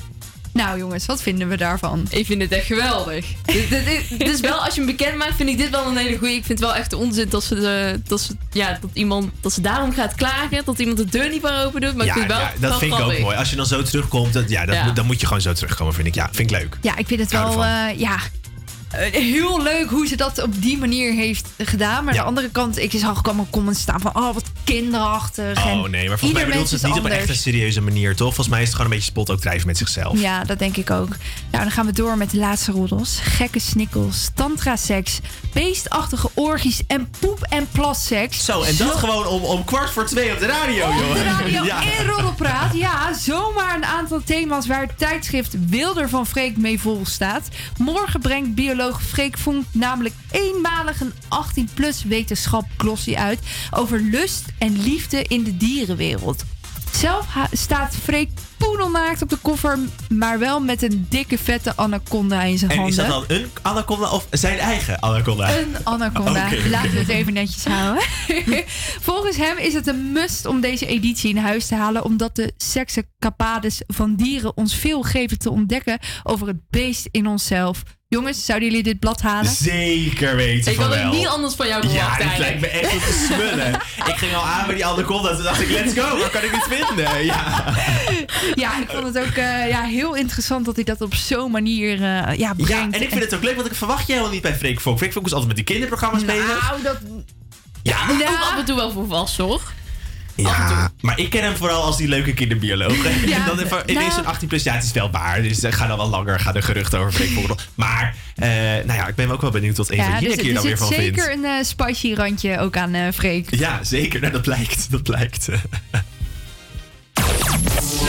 Ja, wat een roddels weer. Helaas was dit de allerlaatste roddelpraat, jongens. Wat vinden we daarvan? Jammer, hè? Heel jammer, heel jammer. Nooit meer roddelen. Echt jammer. Nee, heel jammer. Nou, maar helaas, we moeten door. Eh, inmiddels ga ik nu eh, een nummer voor je draaien. Good For You van Olivia Rodrigo. Helemaal het op TikTok. Dus luister lekker mee. Good for you, I guess you moved on really easily. You found a new girl and it only took a couple weeks. Remember when you said that you wanted to give me the world? And good for you, I guess that you've been working on yourself. I guess the therapist I found for you, she really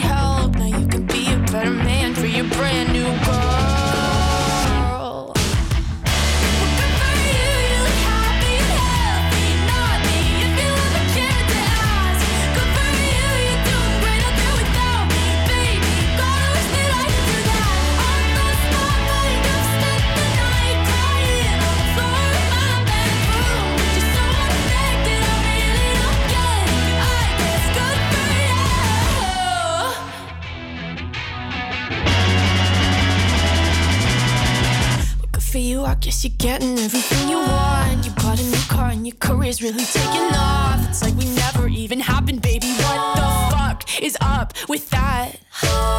And good for you, it's like you never even met me. Remember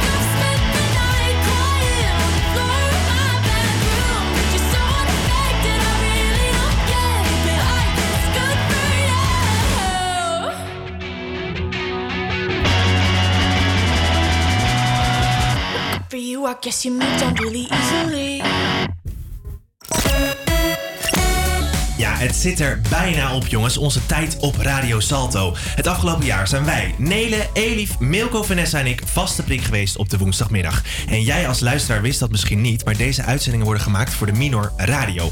Ja, je hoort het goed, een Minor met alles erop en eraan. We kregen vakken die te maken hadden met radio, moesten reportages, interviews, podcasts inleveren en maakten heel veel uitzendingen. En voor dit alles kregen we een cijfer. En ook dit tekstje wat ik nu aan het voorlezen ben, wordt beoordeeld. Dus ik zou zeggen, Bertine, succes hè?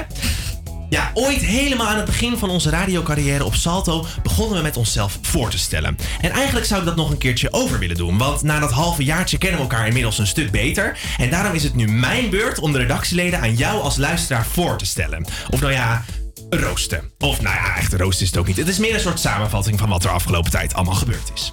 Ik begin even met Milko. Hij is er vandaag niet bij, maar wij kennen hem ook vooral. Milko kennen wij vooral als Milky All the Way. Het is eigenlijk een wonder dat hij hier iedere dag om 12 uur was. Want als wij een redactievergadering wilden inplannen om 10 uur, dan begon Milko al te piepen.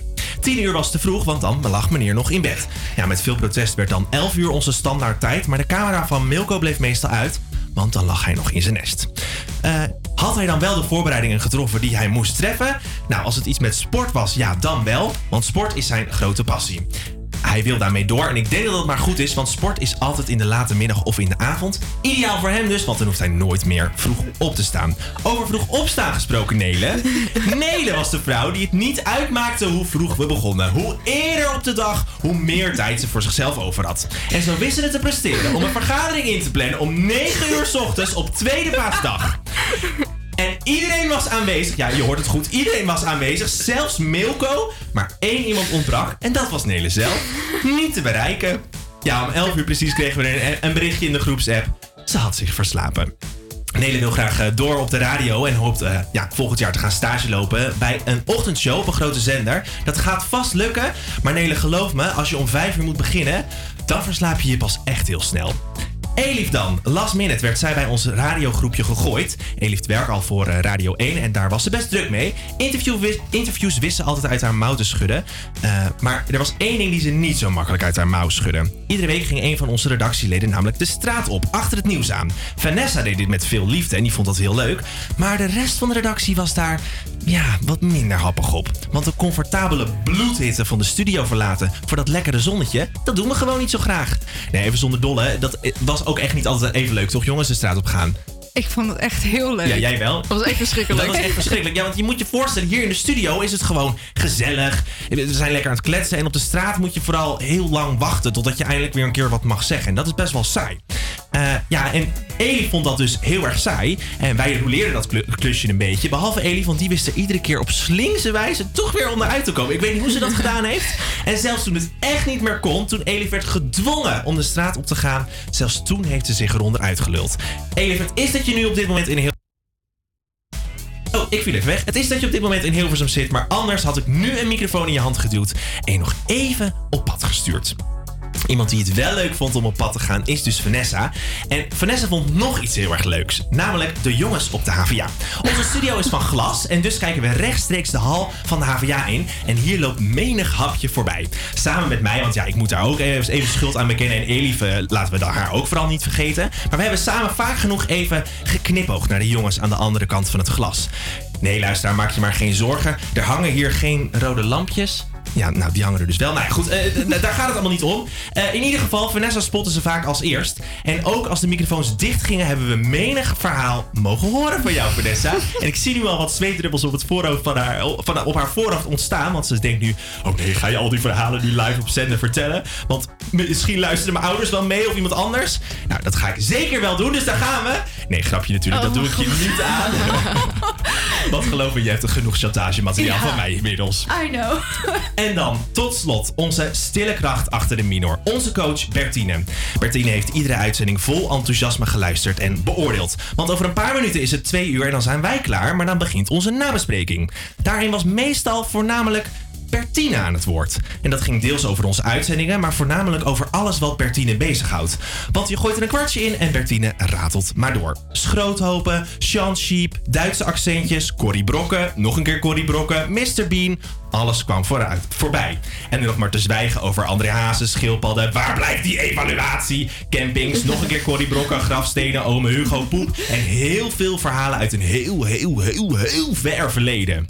En we hadden Toto. Want als er iets is waar Bertine een hekel aan heeft, dan is het Toto van Afrika. Of Afrika van Toto, moet ik zeggen. En wij snappen dat gewoon niet, want het is zo'n heerlijk nummer.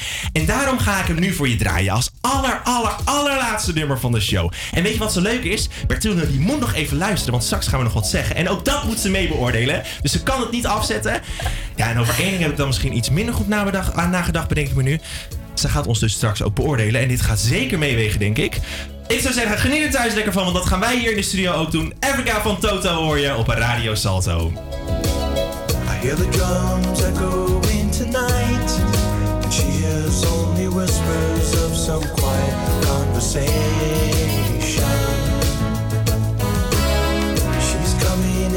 12:30 flight.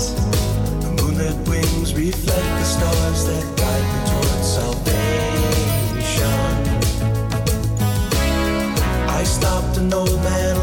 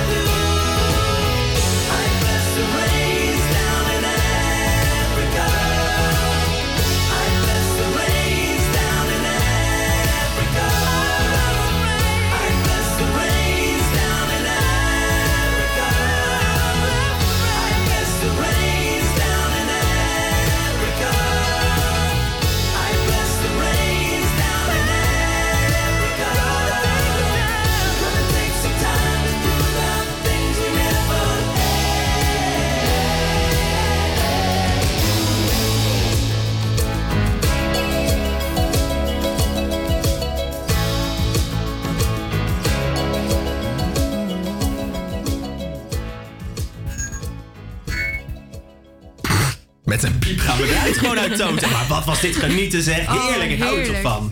Ja, dat was hem helaas eh, alweer voor vandaag. Zometeen hier is Pakhuis de Zwijger TV. Morgenmiddag om 12 uur is er weer een Campus Creators. Wel met een andere redactie. Volgende week woensdag zijn we er helaas niet meer. Maar je zal ons vast nog een keer tegenkomen. En ik ga jullie hier in de studio echt heel erg missen. Ah, ja, ik jullie ook, jongen.